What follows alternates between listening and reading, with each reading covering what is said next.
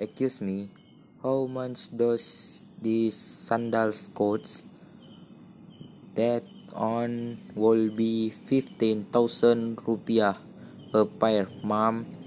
But if you cost the other honest on the right, that will only be 10,000 rupiah repair.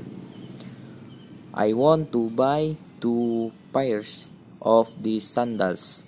Call you maybe lower the price. I can give you that two pairs of sandal for 25,000 rupiah if you want.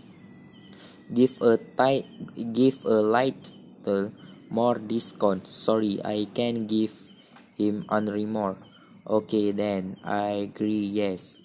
Will uh, will I agree?